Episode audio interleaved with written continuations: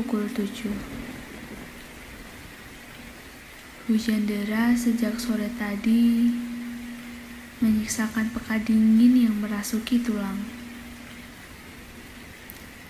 Jalanan kompleks tempat aku tinggal jadi lenggang.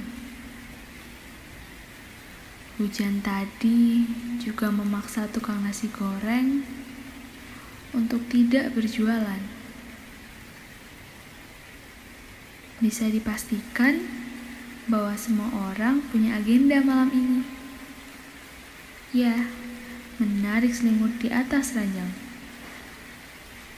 Sama seperti aku yang sudah sedari tadi berbaring di atas kasur, meringkuk, memeluk dan tak beringsut.